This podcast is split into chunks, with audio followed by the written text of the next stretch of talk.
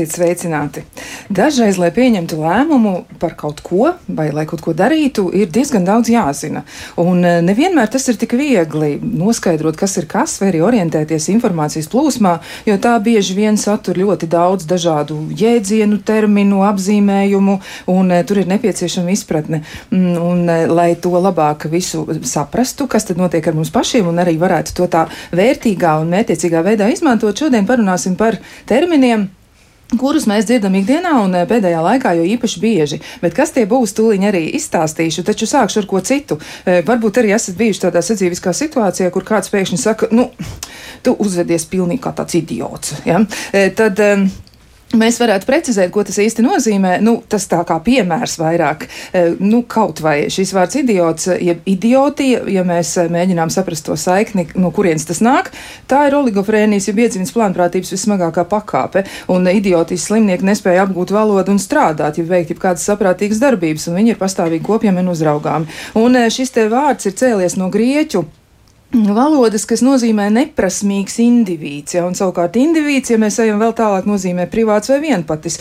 Un tād mēs varam iet vēl tālāk un saprotam, ka vārds nāk arī mm, ar saikni no latīņu valodas, un tur tas nozīmē vienkārši ļautiņš. E, nu, mūsdienīgā formā vārds idiots tiek izmantots kopš 13. gadsimta.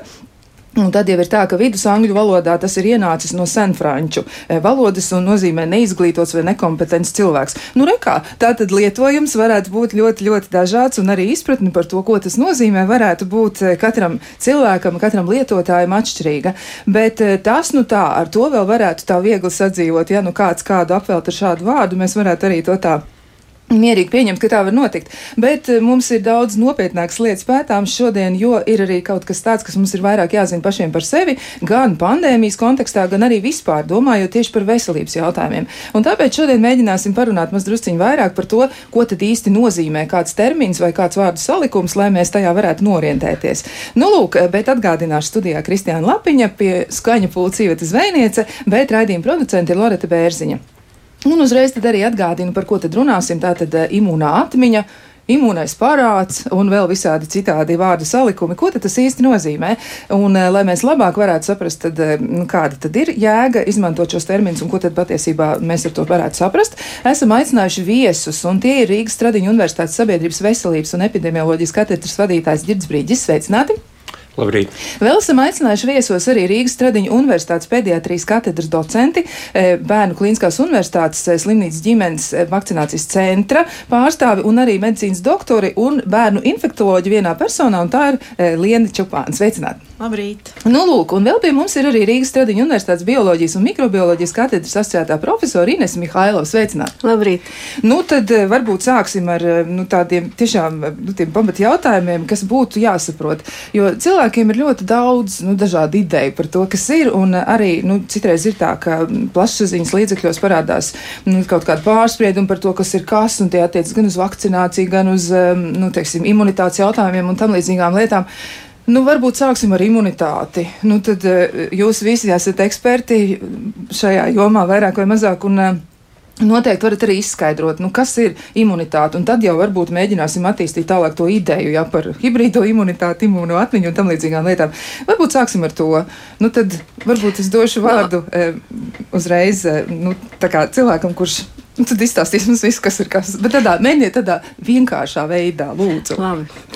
Ar vienmēr sakot, nu, tas, kas ir imunitāte, lielākā daļa cilvēku tomēr saprot, ka imunitāte ir neuzņēmība pirmām kārtām pret infekcijām. Jo galvenais imunitātes stimulētājs un veidotājs ir mikrobs. Tas vai nu pastāv mūsu organismā visu laiku, kā normālā mikrofloras pārstāve, vai arī ienāk un savairojas kā infekcijos mikrobs. Un, un tas ir tas galvenais imunitātes veidotājs. Un tā, imunitāte būtībā organisma imūnā sistēma ir veselu pasākumu, šūnu, mediātoru, vielu kompleks, kas eh, aizsargā mūs no infekcijas slimībām. Nu. Tur jau jūs arī pateicāt veselu lērmu svešu vārdu. Jā, bet nu, kopumā tā ideja ir skaidra. Bet uh, cilvēki daudz arī lauza galvu par to, nu, kā saprast, piemēram, tādus. Uh, nu, epidemioloģiskus pasākumus. Un varbūt šeit mums varētu palīdzēt arī Brīģikungs nu, izskaidrot, kā tad nu, tiek izdarīti tie secinājumi par to, ko vajadzētu darīt kādā brīdī. Jo cilvēkiem ir arī nu, tādas idejas par to, ka nu, nevajag tagad lietot maskas, jo Mums taču ir jāatrenē imunitāte, nu, piemēram, ja? un ir šāds apgalvojums, nu, un tad no tā attiecīgi arī izriet, piemēram, cilvēku uzvedība. Jā, nu man patīk, ka vienā, vienā uh, populārā zinātniskā rakstā bija rakstīts, ka nu, tiek jaukta imunitāte ar muskuli. Jo, jo muskuli var trenēt, un viņš kļūst stiprāks, bet imunitāte nav tāda lieta, kas ir trenējama Cita lieta, ka imunitātei ir noteikti uzdevumi un funkcijas. Ir. Un, ja šī imunitāte, jeb ja aizsarga mehānisms nepilda savas funkcijas, tad mēs runājam par pazeminātu imunitāti un, un aizsarga spēju zudumu. Vēl, uh, kolēģi, es varu papildināt, jā, pamatā tie ir mikroorganismi, vīrusi, pret ko cīnās imunitāte, bet imunitāte parasti mēs nu, medicīniski sakam antigēns. Tātad antigēns pat plašākā nozīmē, kur tie var būt gan vēlam, nevēlam. Antigēns var būt arī paša cilvēka šūna, vēža šūna, pret ko cīnās imunitāte, jeb, jeb tas var būt kāds cits ķīmisks aģents. Tā, tā kā šis spektrs ir ļoti, ļoti plašs, un tātad mūsu uzdevums ir mēģināt vispirms nu, saglabāt šo mūsu fizioloģisko imunitāti, un arī situācijās, kad ar imunitāti, lai izsargātu cilvēku, lai saglabātu viņa veselību, lai saglabātu viņa dzīvību, mums ir jāpieliek arī savs pūles, papildus pūles, aizsardzība, tātad vainu ietekmējot šo imunitāti, vainu vairoties arī no šiem tā saucamajiem antigēniem.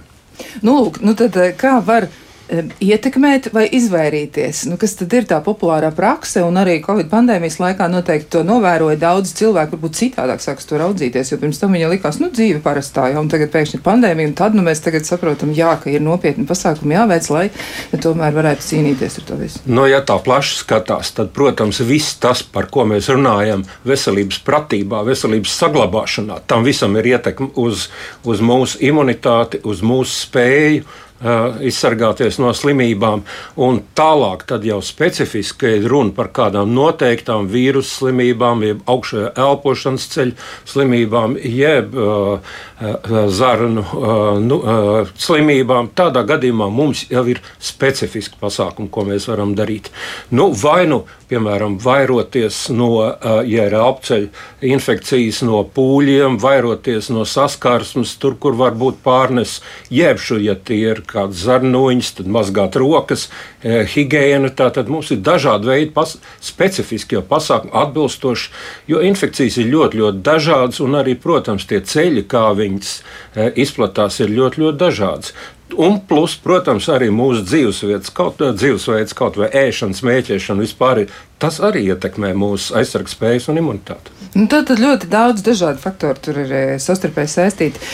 Jā. Es gribēju papildināt arī profesoru Brīģi eh, par to, ka, eh, kas ietekmē mūsu imunitāti, un es gribētu teikt, ka katram cilvēkam imunitāte ir ļoti individuāla, un to pirmām nosaka mūsu ģenētiskais fons, jo katram ir kaut kāds neliels caurumiņš imūnajā sistēmā. Viens slikti reaģē uz vīrusiem, cits slikti reaģē uz, teiksim, bakteriālām, cits uz sēnītēm.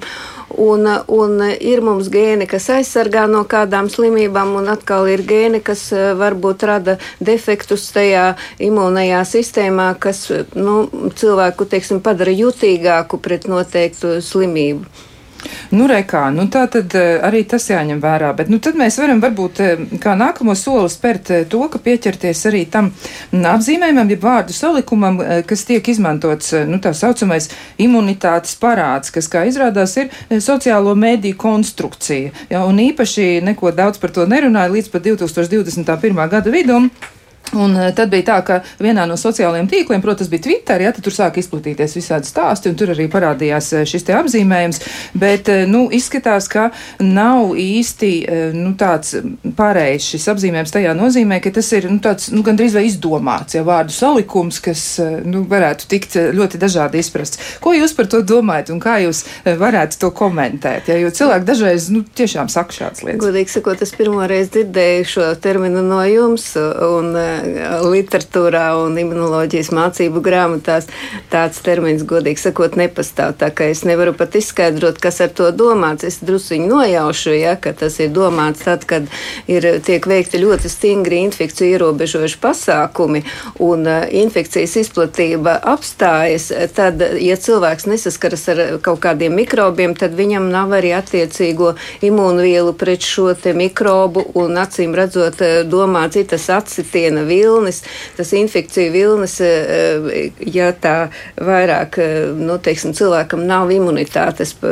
pret un nebija veidojusies tā imunitāte. Jo mēs jau ar mikrobiem saskaramies nepārtraukti sabiedrībā un mums ir tie mikrobi apkārt un līdz ar to mums arī tāds imūnvielas pret to, tiem mikrobiem sabiedrībā, populācijā, kā mēs to saucam, vai mm, citi to sauc par baru.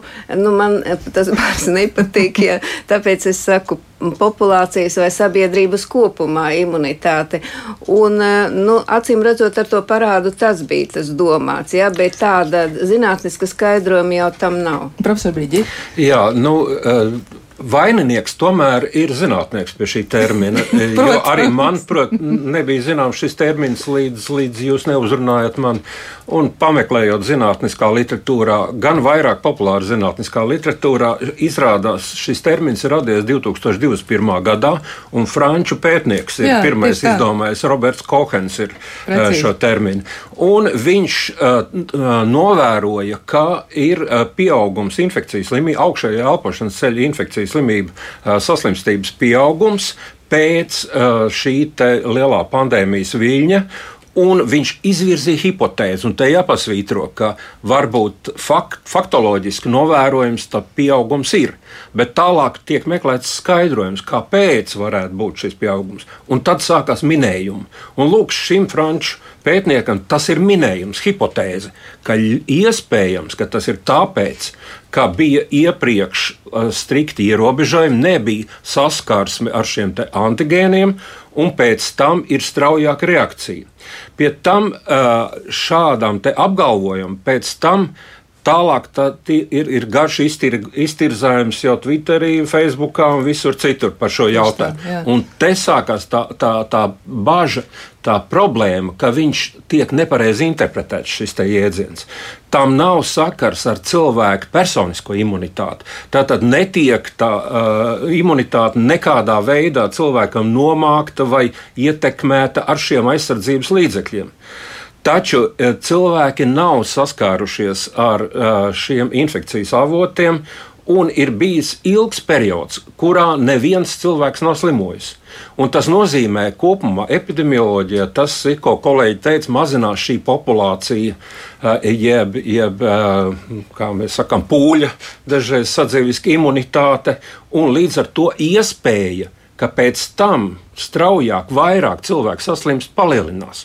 Un tad mēs īsā laika periodā pēc tam redzam, tikko ir saskarsme ar šiem infekciju avotiem, ka ir pacēlums atkal.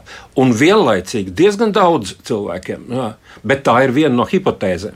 Citas hipotēzes vēl arī paralēli uh, eksistē to, ka var būt, ka ir, uh, ir nomākta uh, Covid infekcija, ir nomākusi cilvēkiem šī imunitāte un, un paaugstināta pēc tam uzņēmība, bet ta, tas atkal ir minējums. Tāpat ir vēl minējums, ka, ka šī, šis pieaugums uh, uz respiratoru sincitiālo uh, vīrusu vairāk ir ir bijis bērniem.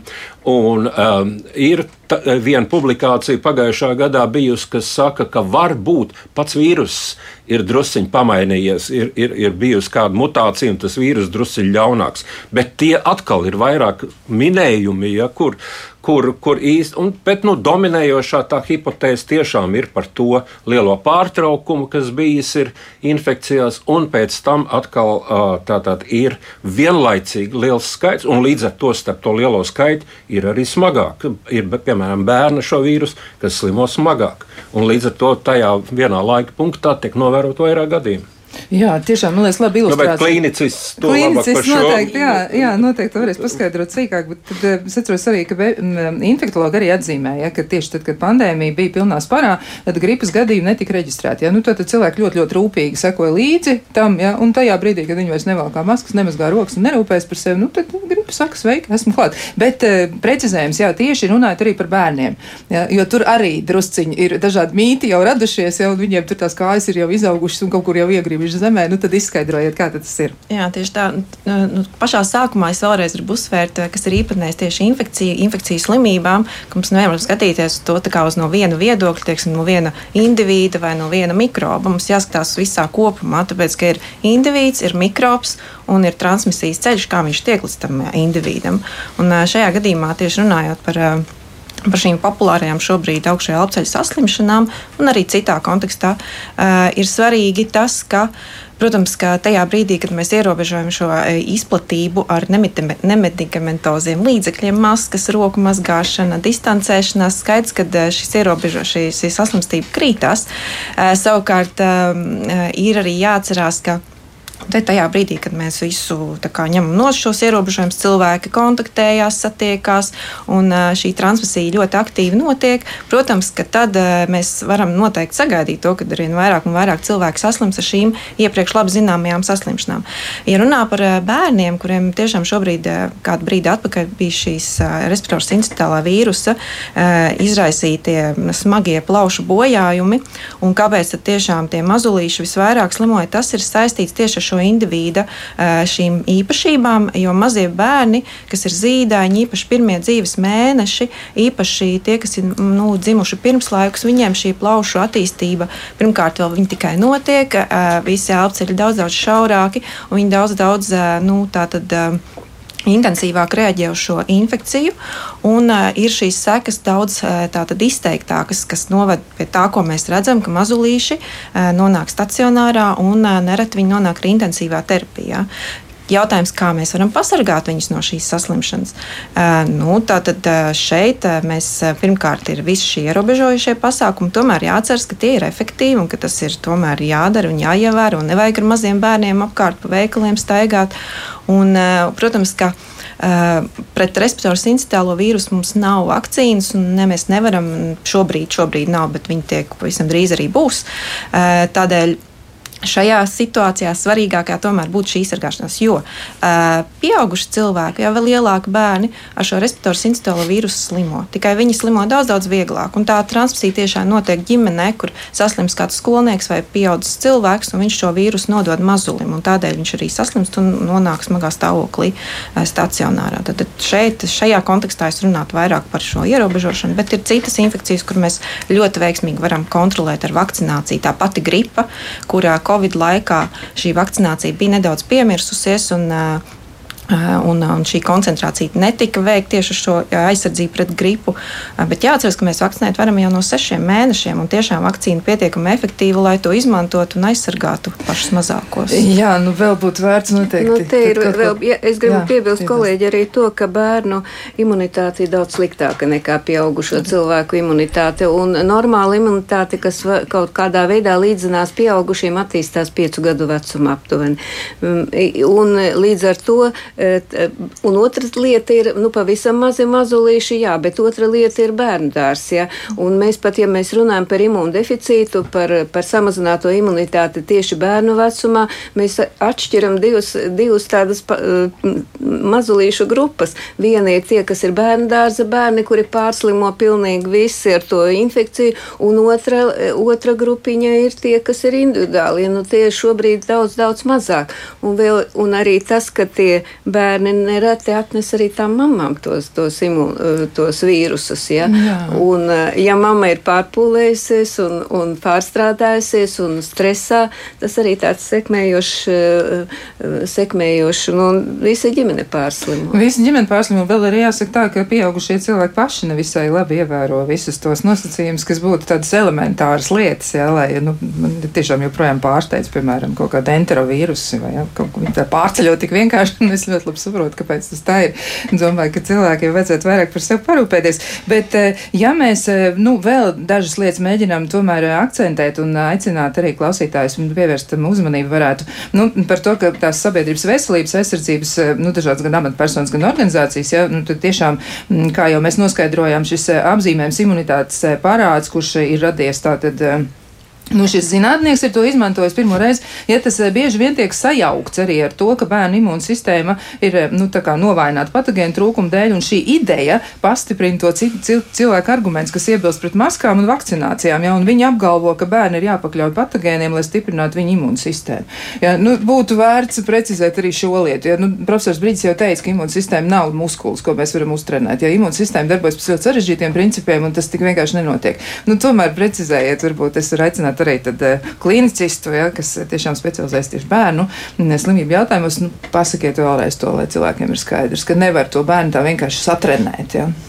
Jā, nu, tad, tad eh, mēs eh, tieši tā, tas šādā izpratnē tas būtu tiešām aplami domāt, ka mums tagad bērns ir jāved un jātrenē, inficējot viņa dažādām slimībām, jo mēs nevienā gadījumā nevaram pateikt, kā, kā noritēs šī slimība konkrētajam pacientam, konkrētam cilvēkam. Tādēļ, ja mēs zinām, kā mēs varam ierobežot šī slimību izplatību, tad kāpēc to neizmantot? Un, un, mēs ļoti riskējam patiesībā katrā gadījumā. Protams, vienam bērnam šī slimība var noritēt vieglāk, citam var būt smagāk. Un kurā gadījumā tas būs, mēs to nevaram iepriekš paredzēt. Un, ja mums ir zinām, vispār zināmi šie principi, kā mēs varam izvairīties no šīm slimībām, tā ir uh, roku higiēna, elpceļu higiēna, vakcinācija, kur tas ir iespējams, tad tad eh, nu, es domāju, tas viss ir zinātniski pamatots. Eh, nu, šī trenēšana, imunitātes trenēšana eh, bērnu eksponējot dažādām infekcijām, nu, tā nu, nebūtu īsti pamatot. Kā jau minēju, tas vēl galvenais faktors ir, ka mēs nezinām, kā noritēs slimība konkrētā gadījumā. Nu, jā. Jā. Nu, šeit, ir, šeit ir arī viens moments, kad uh, faktiski šobrīd dominē vīrusu infekcijas, jo mēs ar bakteriālām infekcijām vairāk uh, tiekam galā. Absolūta sterilitāte arī ir, varbūt ir, nu, nav pārāk laba, jo mēs runājam par imūnās sistēmas tādu, nu, varbūt nesevišķi pareizu darbību, tas, kas, ko dara vīrusi un ko nedara baktērijas. Tāpēc es vienmēr saku, ka neliela netīrība stimulē imunitāti. Tas noteikti tā ir, bet gadsimtiem tās bakteriālās infekcijas bija tādas nu, vairāk dominējušas. Un, un tas es neno, nedomāju, ka bērnu speciāli ir jāpakļauj e, kaut kādām infekcijām, lai uztrenētu to imūnosistēmu, bet ir arī pretējs, e, pretējs stāvoklis. Ja tās infekcijas nenotiek, tad tā imūnā sistēma neattīstās. Nu, ir eksperimenti, piemēram, ar dzīvniekiem, kuriem, ja viņus uztur absolūti sterilā, tad viņam ne tikai neattīstās imūnā sistēma, piemēram, zarnās, bet viņam arī zarnas nekustās virzās uz priekšu. Ja? Tā ka nu, šeit, ir, šeit ir tas eh, kaut kāds līdzsvars. Ja? Eh, problēma varbūt ir tā, ka mēs vairs nedzīvojam lauku saimniecībās, atsevišķi viensētās, ja? un cilvēki koncentrējas uh, lielās pilsētās, kur viņi iet sabiedriskā transportā, viņi dārziņā, ja? viņi neskraida tur, tur pa, pa to pagalmu. Ja? Un, un tas jau maina to visu, visu to populācijas imunitāti un maina arī infekciju uh, izplatību. Jā, jā. Šajā teorijā gan ir mums ļoti, ļoti jāuzmanās, jo te var viegli aiziet pārspīlējumos un neizpratnē. Jo pilnīgi taisnība. Mēs no, tieši no pediatriem esam dzirdējuši, ka nemaz slikti nav, ka bērns parāpo pa grīdu varbūt un kaut ko apēd. Un, un tajā pašā laikā, vai tiešām mēs gribētu, lai visi bērni inficētos ar holēru, ar ebolas vīrusu, ar šādām slimībām, un lai no izvairītos no šlim, slimībām, mums būtu viņu jāinficē. Nu, tas būtu absurds, nē, protams, nē, tas, ja tādā protams, gadījumā. Tā Līdz ar to mums ir, ša, un tāpat mēs zinām, piemēram, teorija kā no alerģijām pasargā cērmis. Vai, tad, tas nozīmē, ka mums noteikti ir jādzīvo tārpiem vēdā, lai mums nebūtu e, šī alerģija. Bet te ir tā lieta, ka ļoti viegli mēs šajā jautājumā varam aiziet šādos absurdos un šādos pārspīlējumos, kas rada tieši ļaunas sekas. Un, diemžēl sabiedrībā ir cilvēki, kas nu, ir tendēti domāt ar pārspīlējumiem. Jā, tā tas ir patiesi. Man arī nāk prātā Renēs Pica eksperiments ar steriliem bērnu dārziem, kas izgāzās ar lielu troksni, ja, jo izrādījās, ka šis, šis nestrādā. Jā, ja jūs tas un, interesē, tad mēģiniet paši atrast informāciju. Tas, ko profesors arī teica par to, ka imunās sistēmas atbilde nav tikai pret mikrobiem, bet Jā. arī pret pašu antigēniem, nu, diemžēl šo infekciju spektra izmaiņas arī sekmē to, ka mums ir vairāk tās alerģiskās un autoimūnās slimības, ja? bet, nu, es pilnīgi piekrītu profesoram, ka ka mums speciāli netīrībā nav nevienu jātur. Un, un šiem eh, tīrības ievērošanas un izvairīšanās pasākumiem ir ļoti liela nozīme, jo mēs gribam dzīvot lielā pilsētā. Ja, un, Gal galā sūti... tas ir faktors, kas ir mūsu mūža garumu pagarinājis jā. par 30, 40 tieši gadiem. Tā, tieši tā, jo, jo galvenais faktors, kas ierobežoja infekcijas, bija kanalizācija un tīrs ūdens pagājušā gadsimta eh, sākumā. Ja, un, un tas jau to vien pierāda, ka rokas tomēr ir jāmazgā. Nu, tieši tā. Nu, tieši tā. Nu, vēl arī tāds uh, secinājums, ko es esmu atradusi, ja, ka imunitātes parāds kā tāds jēdziens imunoloģijā netiek atzīts un netiek izmantots. Ja, un, uh, to ir sacījusi savukārt Debora Dāna Valters. Viņa pārstāv Sorijas universitāti un viņa ir imunoloģijas profesora. Viņa tiešām nu, pilnīgi absolūti ir tie paši vārdi, ko teica profesors Brīģis, ja, ka imūnsistēma neuzskata par muskuļiem, kas ir visu laiku jāizmanto, lai saglabātu formu. Ja, un uh, vēl ir arī tā, ka viņi atzīst šo par absolūti nepamatot ideju. Ja, tajā nozīmē, ka tiešām to var izmantot izmantot varbūt šo apzīmējumu, bet tas ir jādara zinātniekam ar pamatojumu, ko tad viņš ar to domā. Un, um, Vēl arī ir tā, ka e, nu, tā pretrunīgi vērtētā higiēnas hipotēze, ja, kā arī teica, e, nu, tad mums vēl ir informācija arī par šo, mm, ka bērniem būtu jāspēlēs netīrumos, ja viņi saka, nu, ka nē, ka nevajadzētu bērnus vest uz bioloģisko laboratoriju un tur ļaut viņiem paniekoties ar kaut kādiem tādiem bīstamiem aģentiem, ja, ka tas nebūtu slavākais. Nu, tas, tas, protams, tā ir, bet mums uh, ir tāds slavens profesors Šenfields uh, no Izraēlas, kurš ir liels speciālists tieši autoimūnijas autoimūnās slimībās. Ja? Nu, un, un, e, e, pirms, vēl pirms pandēmijas viņš lasīja lekciju Stradiņu universitātes konferencē, brīnišķīga lekcija par autoimūnām slimībām, un viņš, piemēram, uzsvēra, ka vaginālo dzemdību, nu, dabisko dzemdību laikā bērniņš saņem pirmos mikrobus, ja? Protams, e, jā. kuri var palīdzēt attīstīt bērna imūnosistēmu pretēji ķēzargriezienam, un, un, un to viņš tā izvirzīja kā faktoru vienu vienu no, eh, kas sekmētu eh, nu, teiksim, un darbotos pret autoimūnām slimībām, kad antigēns ir paša organisma or viela. Ja? Eh, bet, nu, protams, visās teorijās un visās ir sava daļa spekulācijas, ja? un, un nu, varbūt mēs esam lemti dzīvot tādā sabiedrībā, kā mēs dzīvojam ar tādiem mikrobiem, kādi, kādi mums ir. Ja? Jo mēs labi zinām, es atceros, es sāku um, pasniedzēt izvērtējis darbu uh, Stradiņu universitātē, un tad bija pirmie studenti, kas ieradās no Zviedrijas. Un salmonelloze mums nebija nekāda netipiska slimība, ja? bet uh, nu, viņi sēdēja uzņemšanas nodaļā caurējām tie zviedru studenti. T tas liecina par to, ka viņu tajā populācijā tās antivielas ir maz, mums tās antivielas ir ir, jā, nu vismaz bija, jā, līdz ar to mēs esam izturīgāki pret tām salmonēm, bet tas nenozīmē, ka mēs varam ēst netīru pārtiku, ja inficēt vai, vai nemazgāt rokas, nu, protams. Jā, nu tieši tā. Jā, nu vēl mums ir lērums jautājumi, arī klausītāji. Ir iesaistījušies diezgan aktīvi un raksta visādas lietas, eh, par kurām arī mums nāksies parunāt, bet, nu, skaidrs, tad mēs to imūno parādu sapratām pareizi, jā, tad zinām, kas tas ir un, eh, nu, tad eh, liekam pagaidām nost. Bet šis ir mirklis, kad mēs varam atvilkt telpu un turpināsim sarunu pēc īsa brīža. Kā labāk dzīvot? Turpinām sarunu par to, kā mums saprast dažādus terminus, eh, tos, eh, kurus mēs varam kaut kur izlasīt, eh, vai mums kāds pasaka, un tad jāmēģina saprast, kas ir kas. Un tiešām tas var izrādīties svarīgi, jo mums ir jāpieņem daudzi nopietni lēmumi attiecībā uz sevi, nu kaut vai, piemēram, par vakcināciju ir jāizšķiras, ja, vai jādara vēl kaut kas cits, jāmēģina saprast, kā pārciest kādu slimību, ja nu tā ir mūsu piemeklējis un tā tālāk. Nu, ir arī tā, ka klausītājs saka, ka, nu, cik daudz no tiem terminiem, jā, par imunitāti ir jāsaprot cilvēkam parastajam. Man, piemēram, piemēram, ir pilnīgi vienalga, ko un kā sauc. Man ir svarīgi, lai ārsti man izstāst, kā man eh, sevi pasargāt, lai es nesaslimtu. Nu, tas jau laikam arī ir tas galvenais mērķis. Eh, vēl arī klausītājiem ir tādas piezīmes eh, par to, ka viņi arī pievienojas nu, tai. tai nu, darbības analīzē, ja viņi saka, labdien, mm, viskaitinošākais ir tas, ka pieaugušie tik ātri ir aizmirsuši par pandēmiju un par to, cik viegli slimības izplatās, apslimuši nāk uz darbu un attaisnojas ar tekstu, es Covid testu uztaisīju negatīvs, bet Covid taču nav vienīgais vīrus, ja vienīgā, vienīgā slimība. Nu, lūk, bet, nu, tad eh, labs jautājums ir par tā saucamo imunoloģisko atmiņu. Arī tas ir tas nu, apzīmējums, jeb jēdziens, kas tiek izmantots bieži vien. Nu, varbūt varētu arī izskaidrot to tādiem vienkāršiem vārdiem, ko tas nozīmē. Ja, jo nu, tur ir ļoti sarežģītas lietas, ja tur. Um, nu, nu, visādi, ja tur vienā teikumā ir droši vien nu, viens atpazīstams vārds un 15 svešvārdi, bet mēģināsim varbūt tā vienkāršāk izskaidrot klausītājiem, ko nozīmē e, imūnā atmiņa, jo ja imunoloģiskā atmiņa, jo to arī izmanto šo apzīmējumu bieži vien literatūrā var atrast kaut kur nebūt. Jā, tas ir pareizi, vai imūna atmiņa, vai imunoloģiskā atmiņā, tas nu, abi, abi termini ir pareizi. Nu, e, e, es nezinu, cik vienkārši es to varu izstāstīt, nu, bet tas ir apmēram, apmēram tā.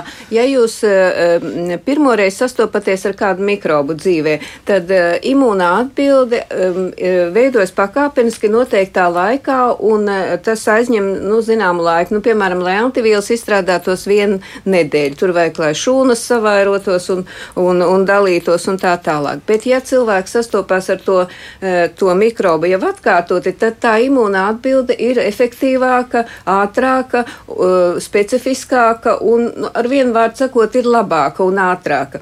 Un pamatā tam ir tas, eh, ka to nodrošina arī e, imūnās atmiņas šūnas. E, kā tas ir, piemēram, ja mi, e, tā imūnā šūna sastopas ar mikrobu, tad imūnā šūna sāk dalīties. Piemēram, no vienas šūnas izveidojas četras, mēs sakam, klons, vesela šūnu grupa. Tad e, šīs šūnas pēc kāda laika sāk ražot, piemēram, antivielas. Nu, ja, piemēram, ir četras šūnas, tad, tad kad tā antivielu ražošana vairs nav vajadzīga, tas um, mikrobs jau ir pārstājis vairoties, tad trīs šūnas, kuras ražoja antivielas, nomirst bet ceturtā paliek, un viņa dzīvo ilgu laiku. To mēs saucam par atmiņas šūnu. Tā ir tā, kas iedarbinās to imūnu atbildi daudz ātrāk un labāk.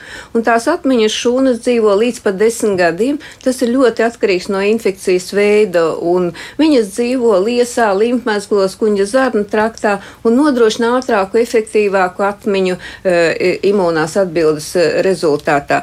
Un uz to balstās arī vakcinācijas process. Ja? Tas arī mēs viens no. no Vakcinācijas mērķiem ir izveidot šīs atmiņas šūnas, kas atcerētos e, šo mikrobu, kas jau kādreiz bijis, un daudz ātrāk saražotu antivīlus.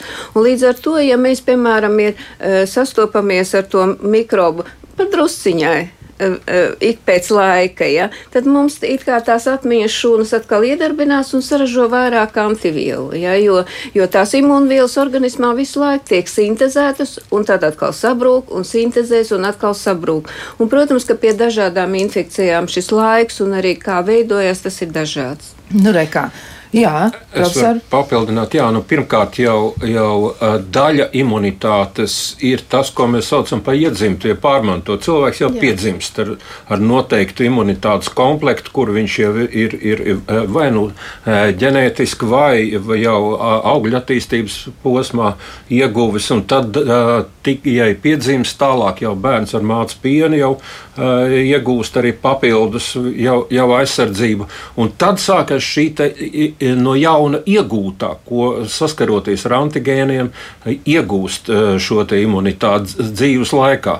Ļoti, ļoti daudz šos te, uh, um, antivielas, šo, šo imunitāti iegūst tieši pirmā, otrā dzīves gadā. Un, piemēram, mēs runājam par to respiratoru sincitiālo. Tur uzskata, ka līdz 80% bērni jau pirmā dzīves gadā jau saskaras ar šo vīrusu un iegūst šo te.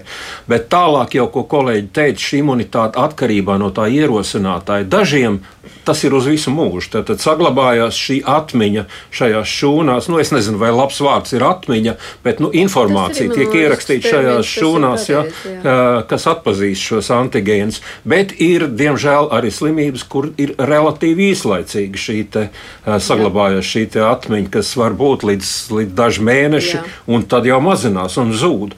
Un te atkal ir nozīme tam, kas ir tas ierosina, par ko mēs runājam. Un ir, kā mēs zinām, ir vakcīnas, kas pietiek vienreiz dzīvē vakcinēties, ka tas ir uz visu mūžu šī imunitāte iegūta. Bet, diemžēl, ir tā kā gripa, tā kā covid, piemēram, ja, kur zūd šī imunitāte. Tas nozīmē, viņa ar vakcīnas palīdzību ir atjaunojama atkal. Jā, nu tā tad, tad, tad no, noteikti nāksies vakcinēties, tik vienkārši nebūs. Nu, vēl ir eh, arī tādi jautājumi, mm, nu, piemēram, arī, um, nu, kas nedaudz mums atgriež atpakaļ pie tā, par ko mēs jau runājām, bet, eh, nu, piemēram, klausītāja jautājums, vai jāsargājas no, eh, pēc iespējas vairāk jāsargājas no infekcijas slimībām, ja, jo, nu, atkal tas pats, jo vairāk mēs lietojam imunosistēmu, vai mēs kļūstam stiprāki, ja, bet slimāki, vai nelietojot veselāki, un ar to viss arī beidzas, ja. Nu, nu, jūs jau izskaidrojāt, kā tas ir. Jā, jā, jā nu- profesors nu, Brīdis jau pareizi mums pateica, ka mēs nevaram pārspīlēt to visu, jā, jā, nu, dzīvot netīros apstākļos, lai, lai veicinātu imunitāti. Nu, nu, mums ir tā. Es minēšu arī piemēru no savas dzīves, kad es tikko sāku pasniegt. Pirmo gadu es visu laiku slimoju ar, ar um, augšējā apceļu infekcijām. Un, eh, kā, kā tas notika? Nāk studenti, viņi nāk ar savām, eh, savām slimībām. Ja? Man ir mute vaļā visu laiku, un es visu laiku runāju, un es saņēmu no viņiem tos mikrobus. Tas ir tāpat kā skolotājiem, ja? ka skolotājs klasē saslimst pēdējais, ja? jo visi tur bērni jau pārslimo, un skolotājs arī klases priekšā. Nu, tā ir tāda mazā, mazā populācijas imunitāte, kas, kas veidojas. Pēc tam viss tās infekcijas pazuda. Es jau biju imunizējusies ar visiem visiem tiem mikrobiem, ko man studenti atnesa. Un pēc tam es vairāk nemaz neslimoju. Nu, tas ir tāds, eh, nu, varbūt vienkārši piemērs. Jā, labi. Jā, līdzīgs, līdzīgs piemērs jau arī no tāpat no tādas, tādas tieši mūsu nodaļas darba, ja slimnīcā, kur mums ir infekcija, mm, slimība pacienti, dažādas šīs slimības. Un uh, tas, ko mēs redzam, un arī līdzīgs varbūt stāsts, tad, kad es sāku strādāt, tad man šķiet pārslimoja visus šos vēdera vīrusus un visas šīs nepatīkamās sajūtas. Un tad, kad pie mums nāk jaunie doktorīši rezidenti strādāt, viņi viņi arī sastopās eh, pirmo reizi, un diemžēl tā sanāk. Ja? Protams, tas nenozīmē to, ka, eh, ka, ka, ka šajā situācijā, kad jau es esmu nu, teiksim, kādu laiku jau strādājis, ka es nemazgāju rokas un ka es neievēroju nekādus eh, šos piesardzības pasākumus, tāpēc, ka es esmu jau tik ļoti daudz sastapusies, tas, protams, tā nav. Es vienmēr ievēroju. Un, šis, jā, protams, jā. jā. Nu, tad, tur tie divi šie, šie visu laiku jāuzsver pie infekcijas slimībām - transmisija, indivīds, mikrobs. Nu, tas ir ļoti svarīgi. Nu, visu kopumā skatīties, nevis tikai, vienu. Transmisija, individuāls mikrobs. Varbūt jūs varat arī precizēt, viens no jautājumiem klausītājiem arī ir, ko jūs tieši domājat ar vārdu mikrobs. Ja? Nu, tad precizējiet, kas tas ir. Mikrobs tas ir viss, tas, tas var būt vīrus, tā var būt baktērija, tā var būt sēne. Tātad šis mikroorganisms, ja, tas, nav, tas neatiecās tikai uz mikro, mikrobu, nu, tad, tad baktēriju. Baktērija, ja? Tas jā. nav tikai baktērija, tas ir vīrus, tā ir sēne, tad viss šis, ko mēs varbūt ar aci tā uzreiz neredzam, tā vienkārši sakot, kas var izraisīt izraisīt šīs infekcijas slimības. Jā, nu vēl arī atcaucoties arī uz to, ko dr. Čupāna teica, varbūt arī vēl kāds zelta padoms ir audzinot mazo bērndārznieku, jau mazo skolēnu imunitātes jomā, ko tad varētu darīt, ja ko vecākiem vajadzētu zināt, nu tad varbūt arī pasakiet, ko viņiem būtu jāzina. Tas, ka bērni, tad, kad viņi sāk apmeklēt uh, grupas, nu, tātad tur, kur viņi visi ir vienā kopum, kopā visu dienu pavadīja, ka viņi sāk biežāk slimot, tas ir pilnīgi normāli, un to mēs novērojam arī praktiskajā dzīvē, ka bērns, tad, kad viņš iet bērngārzā, īpaši pirmajos gados, viņš var slimot katru mēnesi, reizi mēnesī. Tad ir tas stāsts, tikko viņš izslimoja, un es aizdevu uz bērngārzu, un atkal viņš ir slims, un atkal mēs mēnesi sēžam mājās, tā tas visu laiku notiek. Um, tas, kāpēc tas tā ir, tas ir pirmkārt saistīts ar to pašu bērnu imunitāti. Viņš tā tad, kā jau uh, profesori teica, viņi vēl tikai veidojas, ja, otrs ir tas, ka šie bērni, uh, ļoti cieši kontaktējās, viņi neievēro šos, uh, viņi mācās vēl ievērot šos šos uh, higiēnas noteikumus, roku mazgāšanu, um, vienu trauku lietošanu un tā tālāk. Ja, kas arī, uh, kamēr viņi mācās, tikmēr viņi ar vienu kontaktējās, tikmēr viņiem šīs iespējas visu laiku ir un uh, inficēties. Un, un tas, ko varbūt vecāki var darīt, bērniem pareizi mācīt, kā rokas jāmazgā. Tas nav tikai palikt zem ūdens un, noslaucīt, bet tomēr ar ziepēm un ūdeni kārtīgi mazgāt rokas. Pēc uh, atnākšanas no ārā, pastaigas, pirms ēšanas, pēc toaletes. Tie tādi tādi svarīgi faktori, ko arī profesori minēja, kad cik dīvaini, kad nevienmēr pieaugušie to mēdz ievērot, ja, un tad, tad bērni skatās to, kā mēs rīkojamies, tur vēro mūsu uzvedību, tad pašiem arī to darīt. Varbūt tas būtu tāds. Jā. Nu, pastāv arī uzskats, ka līdz četru gadu vecumam neko tur nevar daudz izdarīt. Jā, jā nu, bet cik mēs varam. Viņi, jā, jā, protams. Bet, protams, es domāju, ka arī dārziņam arī zināma nozīme. Ja.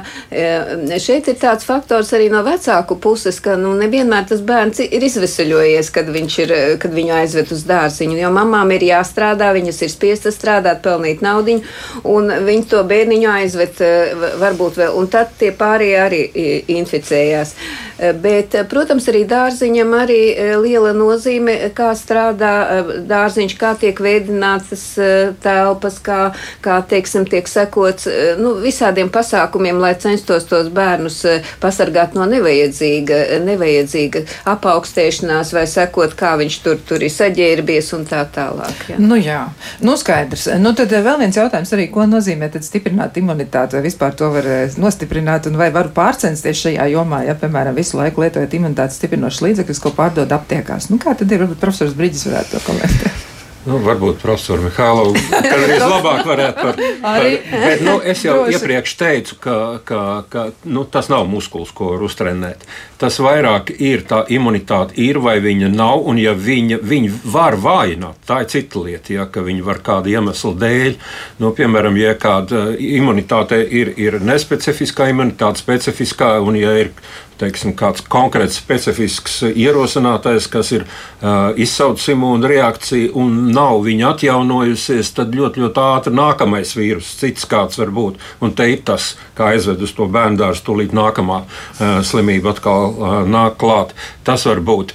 Bet tā, tā, tā imunitāte kopumā, tā, viņa, tas nozīmē, ka viņu, mūsu uzdevums ir pēc iespējas, lai tā imunitāte nu, nemazinātos, vai viņi var uztrenēt vēl vairāk. Nu, droši vien atbildi nē. Kā jau teicu, tas nav muskulis, ko var. Un te, diemžēl man jāsaka, ka nu, piemēram, uzturu bagātinātāji, dažādi līdzekļu pārdevēji ļoti ļaunprātīgi izmanto to un saka, ka nu, mēs jums vēl vairāk, vēl vairāk stiprināsim šo imunitāti. Nu, īstenībā tie māņi tur grib pārdot savu, savu produktu, un, un, diemžēl, vēl vairāk sastiprināt mēs to imunitāti, diemžēl, nevaram. Nu jā, nu tad tomēr. Nu, bet profesori droši vien ir lielāks speciālists šajā jautājumā.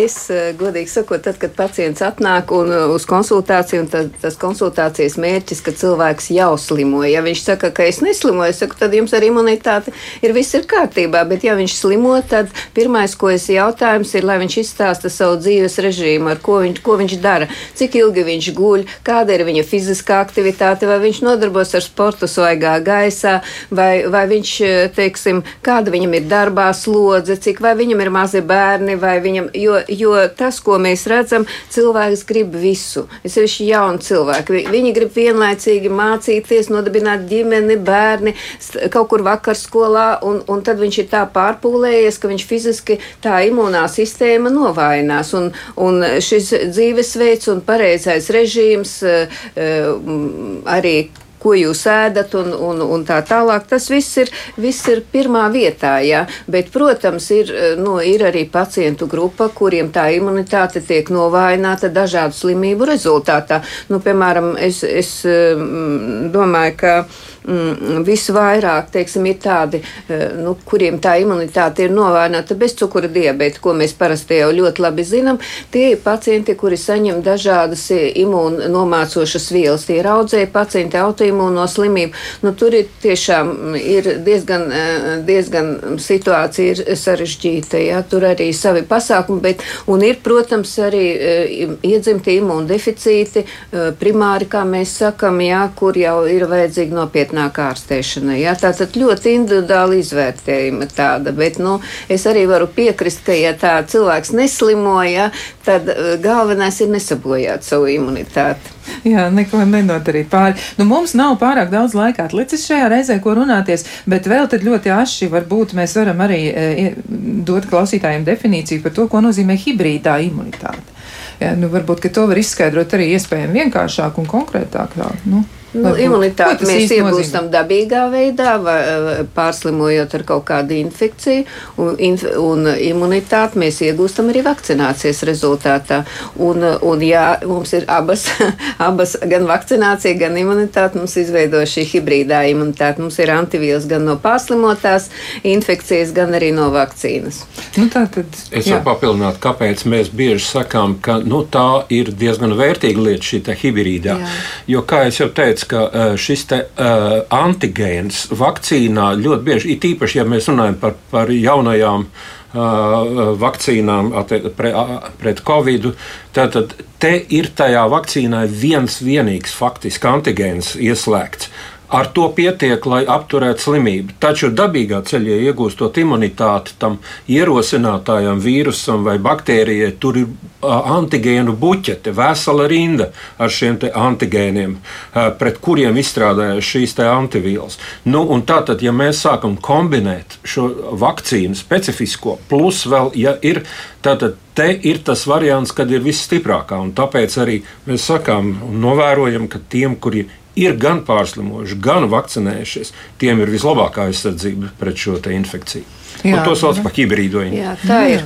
Tā ir. Jā. Tā tad eh, skaidrs. Eh, Nu jā, nu vēl ir arī tādi labi secinājumi pašiem klausītājiem par to, kā viņi ir varējuši palīdzēt sev. eh, Un, nu, viena no klausītājiem raksta, man vīra māte ilgu laiku katru dienu lieto ingveru un kurkumu plus pipari. Ja? Tā tad tāda kombinācija uztur bagātinātais. Un viņi arī jautā, ko profesionāli par to domā. Un vīra māte saka, ka neslimojot kopš lieto vairs. Ja? Nu, redz, vīra māte ir laba veselība. Nu, tur jau ir kaut kāda antioksidanti. Ja? Tur, tur Nē, nu es novēlu labu veselību kundzei no, no sirds. Eh, Es domāju, ka eh, katram cilvēkam ir kaut kāds pasākumu komplekss, eh, ko viņš, nu, kādā veidā viņš domā, ka viņš to uztur savu veselību. Protams, mēs nezinām, kas būtu, ja viņa nelietotu to ingveru, ja mums tādu pierādījumu nav, bet, bet es negribu teikt, ka tas ingvers palīdzēs visiem, bet, protams, dabā ir daudz imūnvielu, daudz imūnvielu, un, un tās vielas mēs dažreiz runājam, lietojam arī mākslīgi, ja mēs pieliekam, piemēram, šūnām imunitātes, mēs redzam kaut kā, piemēram, pupu alkalīdu eh, pieliekam, un tā šūnas sāk vairoties, ja, nu, es laboratorijā to esmu darījis, ja, tātad faktiski dabā ir tādas vielas, kuras varētu, ja, bet eh, tas būtu galvenais līdzeklis, nu, grūti pateikt. Nu, viens lieto ķiplokus, cits atkal skrien, cits norūdās, ja, nu, nu teiksim, visi tie pasākumi ir labi, ja. Ķiplokiem drusciņš savādāks mehānisms. Nu, jā, jā, nu, fitoncīdi, kas tieši jā. uz ierosinātāju Jā, jā, darbojas, jā, viņš uz ierosinātāju, nevis jā, imu, imu, jā. imunitāti. Nu, ir, ir daudz dabas līdzekļu, kas, kas eh, varbūt palīdz tai imūnai sistēmai, ja nu tā kundze ir slimojusi pirms tam, ja nu, noliegt jau to mēs nevaram. Nu, ja cilvēkam ir tāds novērojums, nu, tad. tad Okay. Nu, tad, tad ļoti labi. Nu, tad tiešām, kā profesors Brīsīs teica, nevajadzētu sabojāt. Ja, neko, tad, acīm redzot, mēs varam arī par sevi tādā veidā mēģināt parūpēties.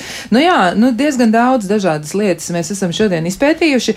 Nu, droši vien jau jāsaka klausītājiem tā, nu, tad mēģiniet būt ļoti, ļoti uzmanīgi. Nu, gan lasot kaut ko, gan arī klausoties, eh, jo tiešām nu, tur jāsaprot, ir eh, konteksts. Jā, arī kā profesors Brīsīs teica, nu, tas konteksts ir svarīgs. Jā, nu, varbūt vēl tad paši, paši pēdējo jautājumu, lai neizaug jauns mīts. Ja? Nu, lai nerodas atkal kaut kāda jauna, jauna lieta, kas varētu nebūt tiesa, vai ir taisnība, ka ir atšķirība mm, par rēzus negatīvu asinsgrupu. Ja, ja man ir rēzus negatīva asinsgrupa, tad esmu uzņēmīgāk pret vīrusiem. Un eh, klausītājs saka, ka viņas māsa, eh, kura vāc zemē, ir apmetusies, ja tad eh, viņas dakteris esot teicis, ka ir atšķirības cilvēkiem ar negatīvu vai pozitīvu rēzus asinsgrupā. Ļoti īsu komentāru, bet nu, lai tas mīts atkal neaug. Nu, vai tur tādi dati absolūti ir, jo, jo tas varbūt ir kaut kāds viens faktors, bet, kā jau es teicu, cilvēkam caurumu imunitātē var būt daudz un dažādi, jā, un, un dažādu, da, dažādā lielumā, un, un dažādu faktoru trūkums var būt, jā, bet, nu, mēs jau zinām, ka tas, ko pasaka ārzemēs, bieži vien ir, ir gudrāks nekā mēs to varam tā pateikt. Varbūt, ka kaut kāda daļa taisnības tur ir, bet es nedomāju, ka tas ir, mm, tas ir zinātniski pierādīts. Jā, nu tur atkal droši vien būtu jāveic pētījumi, un tad būtu jāmēģina sīkāk saprast, kas ir kas, un gan jau, ka laiks pienāks, un mēs arī to atbildi saņemsim no zinātniekiem. Nu, jā, nu ir tā, ka mēs esam izrunājuši tās dažas lietas, un var jau būt, ka ir kādi jautājumi vēl palikuši. Noteikti arī tos turēsim prātā, un tad jau iespējams arī vēl kādā reizē aprunāsimies. Šajā mirklī teikšu paldies gan Rīgas Stradiņu Universitātes sabiedrības veselības un epidemioloģijas katedras vadītājiem Girtam Brīģim, gan arī Rīgas Stradiņu Universitātes pēdējātrijas katedras docentei Bērnu Kliniskās Universitātes slimnīcas ģimenes vakcinācijas centra pārstāvēja medicīnas doktorei un arī bērnu infektoloģijai e, Lienai Čupānai, un arī Rīgas Stradiņu Universitātes bioloģijas un mikrobioloģijas katedras asociētie profesorei Inesai Mihailovai. Tiešām liels paldies par skaidrojumiem un par palīdzību saprast arī, nu, teiksim, šajos, saprast šos jēdzienus. Un uh, savukārt eh, rīt, rīt jūs varēsiet kopā ar Elvi mēģināt izpētīt, kā tad tur ir ar to uh, identifikācijas dokumentu lietu, ja, tad no 20, mm, 2023. gada 1. janvāra it kā tur kaut kas ir vēl spēkā, kas tieši un kā, nu, to jau rīt arī tad precizēsiet, lai jums tad rīt veicas visu arī noskaidrot. Vēlreiz paldies gan studijas viesiem, gan arī paldies klausītājiem par iesaistīšanos un noteikti arī paldies paldies eh, visiem pārējiem, kas palīdzēja šim te visam eh, kļūt dzirdamam Ivetai Zvejniecei, Loretai Bērziņai un kopā ar jums bija Kristiāna Lapiņa. Lai jums jauka diena un tiekamies arī citu reizi un noteikti sargājiet sevi, mazgājiet rokas, lieciet masku, ja gribas un esiet rūpīgi.